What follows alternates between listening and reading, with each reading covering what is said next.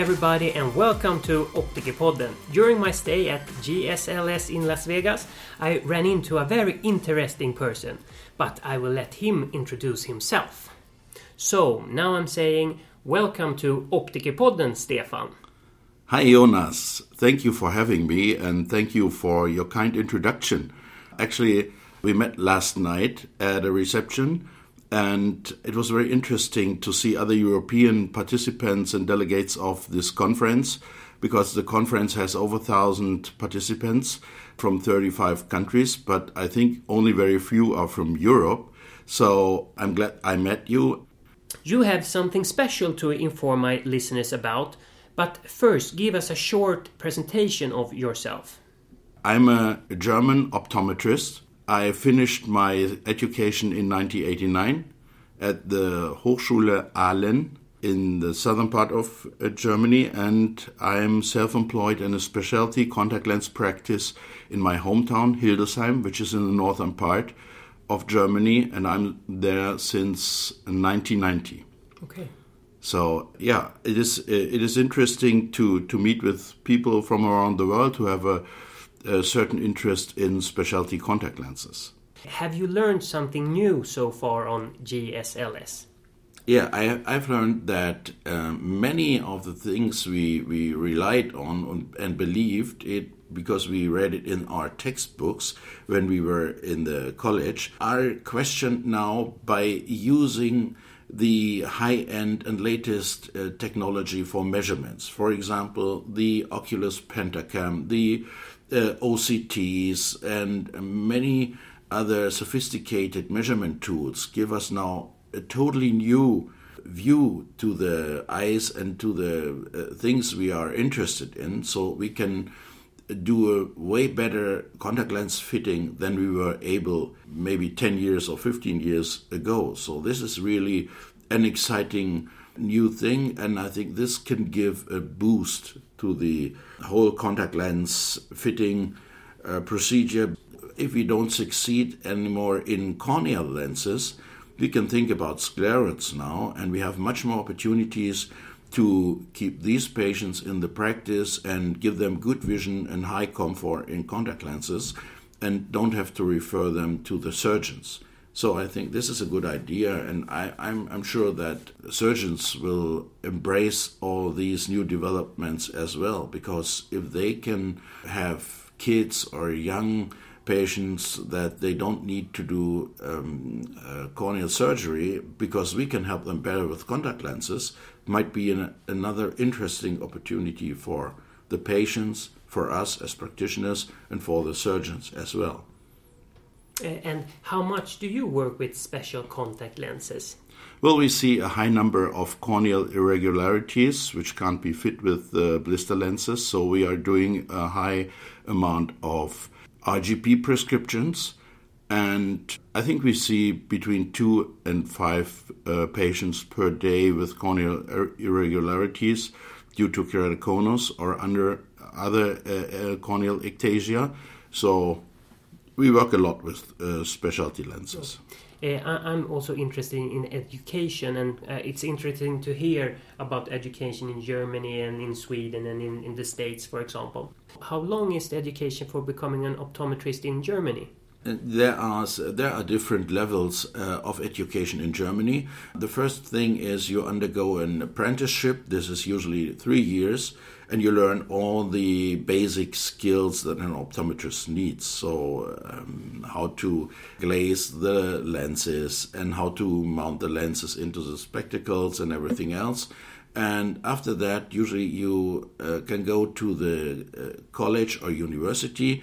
We now changed from, a, for, example, in my case, I had this three year apprenticeship, then I had a eight semester uh, study uh, eight semester study in um, the Hochschule Aalen, where I graduated as a engineer. Okay. It was an engineer degree that I received, but in the meantime, the uh, system changed, so now we have bachelor's and master's degrees. Uh, so uh, the bachelor's is usually, usually six uh, semesters, and then you can add uh, three or four semesters to, to uh, receive a master's degree. Okay. So, how many years did you went to school for becoming an optometrist? Starting uh, with uh, in total with my apprenticeship, yeah. it was an eight-year okay. education. Uh, you have something special to inform my listeners about. What is that? Can you tell me? Because you're, you're involved in a special organization. Can you tell me more about that? Yeah, right. In 2003, I got involved with the Special Olympics. Special Olympics is the largest organization globally uh, to take care of people with intellectual disabilities. They are athletes and they have the opportunity to practice year round sports activities in Olympic uh, type sports. So uh, the organization was founded in 1968 by Eunice Kennedy Shriver, sister of the former US President John F. Kennedy. And since then, so we are 50 years now. Since then, uh, we moved into over 130 countries, and we invite athletes with uh, intellectual disabilities, other than Paralympics, invite them to participate in sports, uh, increase their health, their fitness, their self consciousness, and become productive uh, members of the uh, communities. So, and with this organization, we are having local games, regional games, European games, world games also, and we are providing a health program to them. So these people that usually don't have access to regular health care like other people have the opportunity to receive free eye exams, for example, free teeth examinations, and other things that are uh, important for their personal health and fitness. And I am involved in the Opening Eyes program. The whole name is Special Olympics Lions Clubs International Opening Eyes program. And at this program, which we can only run by the strong support of our global partners, the Lions Clubs International and industry like Essilor and Safilo, who uh, provides um, free lenses and spectacles to the athletes. The athletes receive a special eye exam, which is leveled and adapted to their special needs. So, um, eye care practitioners, optometrists, ophthalmologists, orthoptists are volunteering in this program and we check a number of visual functions like uh, distance visual acuity, near visual acuity, color testing, stereo testing, intraocular pressure, slit lamp examinations, and refraction to make sure that they receive proper recommendations to be seen by their healthcare practitioners once they are back home, and they can receive a free pair of spectacles or sunglasses or protective eyewear if they are in need for that. And also, what is your role in the Special Olympics Eye program? I'm a global clinical advisor to the program, so that means that I have an eye on the uh, global development of the program together with my colleagues. We, we, we try to identify interested uh, mm, people from around the world. This is sometimes a very interesting task because the education and the professional settings in different countries is very uh, different. So, in, for example, in some countries we don't have a developed or established or recognized optometric uh, profession. Uh, then we ask the ophthalmologist to, to do this, and in some countries we, we have ophthalmologists, for example, like in uh, Great Britain, we have mainly optometrists, and ophthalmologists um, uh, are mostly in clinics.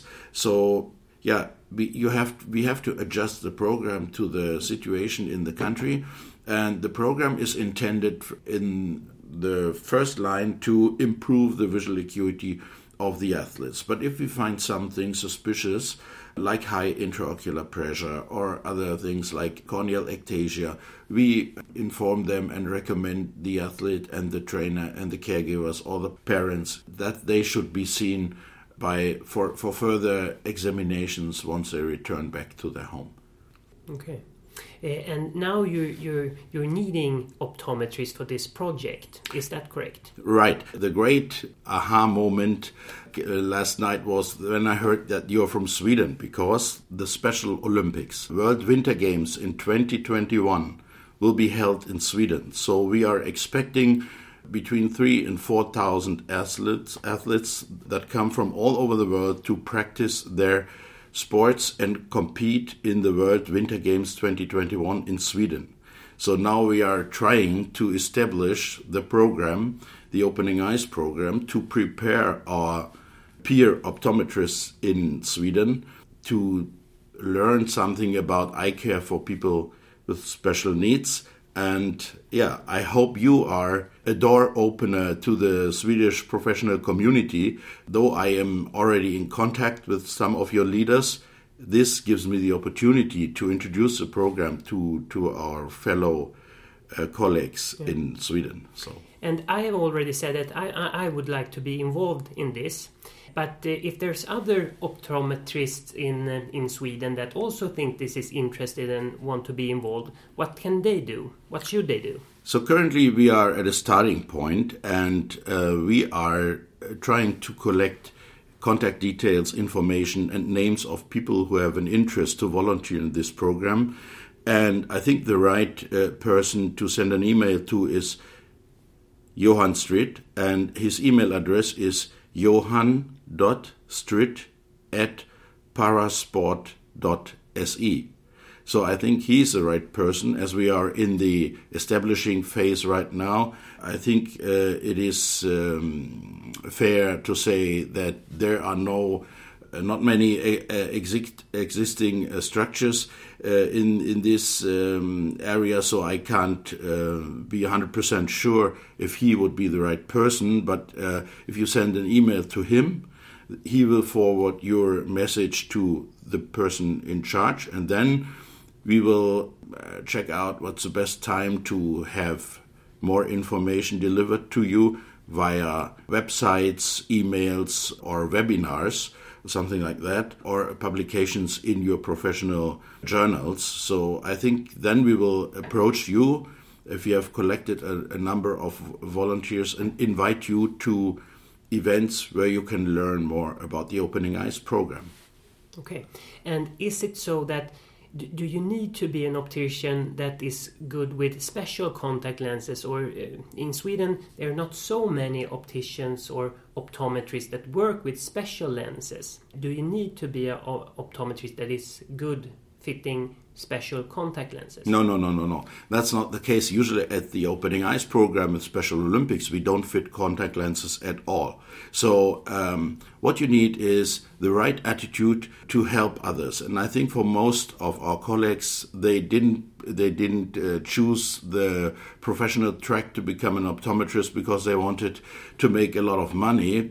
I think the main uh, motivation to do this was to help others. And if you have this attitude, and if you're interested in doing something that is really important, if you want something to do that has really impact, then you should come and see this because the interesting thing is that many of our athletes, you will probably meet a high number uh, of athletes that never had an eye exam before in their whole life. So it's totally new to them. And what, what they need is they need something with a level of empathy who is willing to help them, to greet them, to say hello, to respect them, to treat them with respect, and to guide them through the um, opening eyes uh, testing procedure, which is really fun. It's not a it's not a funny thing, but it is really fun to help others to see how they become more and more relaxed during the procedure, how they trust you, how they appreciate what you do for them, because this is not the regular case in their communities, in their countries, because healthcare is not adjusted to the needs, the special needs of people with these requirements. So they are really appreciative and they really love to see people that take care of them. Okay. So, is there any other thing that you would like to add? Uh, is there something that you want to say more about this? Uh, there are there are some things. I mean, we live in interesting times. Some uh, sometimes we only uh, see challenges, but I mean, there are so many opportunities in in our professional development. We are taking over more and more responsibilities, and we need better education. We need an academical education in all European countries. I think this is obvious. And there are so many interesting things here to see at the GSLS. I think it's very amazing to see how innovative the industry is together with the leading practitioners in this country to find better solutions for people with corneal irregularities and how this innovation has an impact back and forth. For example, today I listened to a very interesting lecture about um, individual contact lenses.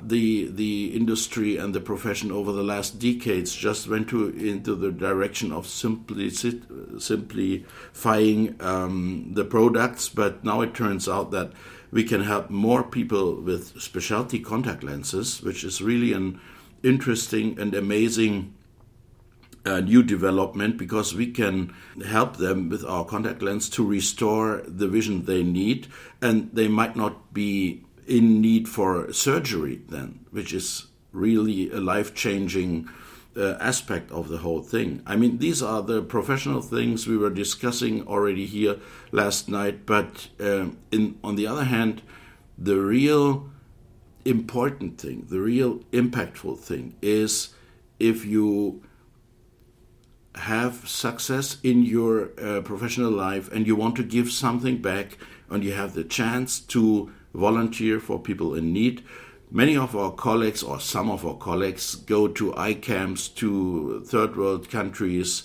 to Africa or India, and now the opportunity comes right to you, to Sweden, to, to do something which is impactful and is important. And I'm sure that all of you will return from this experience with a new um, uh, open horizon because uh, you will learn something uh, which is really important. How you can help others and how you can change the world for them because if they don't have a good visual acuity they can't see and they can't understand what surrounds them. So you can really change lives if you come um, to participate in, in the special olympics opening eyes program and i invite you all uh, I just want to say thank you, Stefan, for taking your time to inform about Special Olympics Opening Eyes program. Yeah, thank you for having me and giving me the opportunity to introduce the Opening Eyes program to you. I'm looking forward to, to stay in touch with you. Yeah, of course. Thank yeah. you. Thank you. And also, remember to following Optikerpodden through SoundCloud, Acast or Spotify so you don't miss any episodes. Uh, and that's all for today. So thank you for listening and see ya.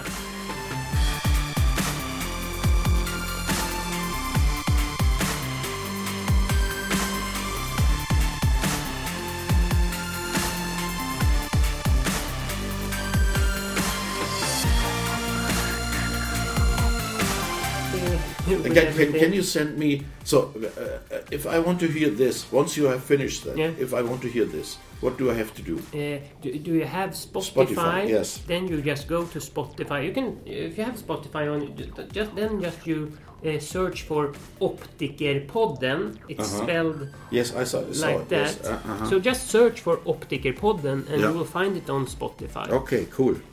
Uh, and for now, this is a new podcast, so there's only introduction. It's there. Yeah, exactly. So it's just an introduction for now.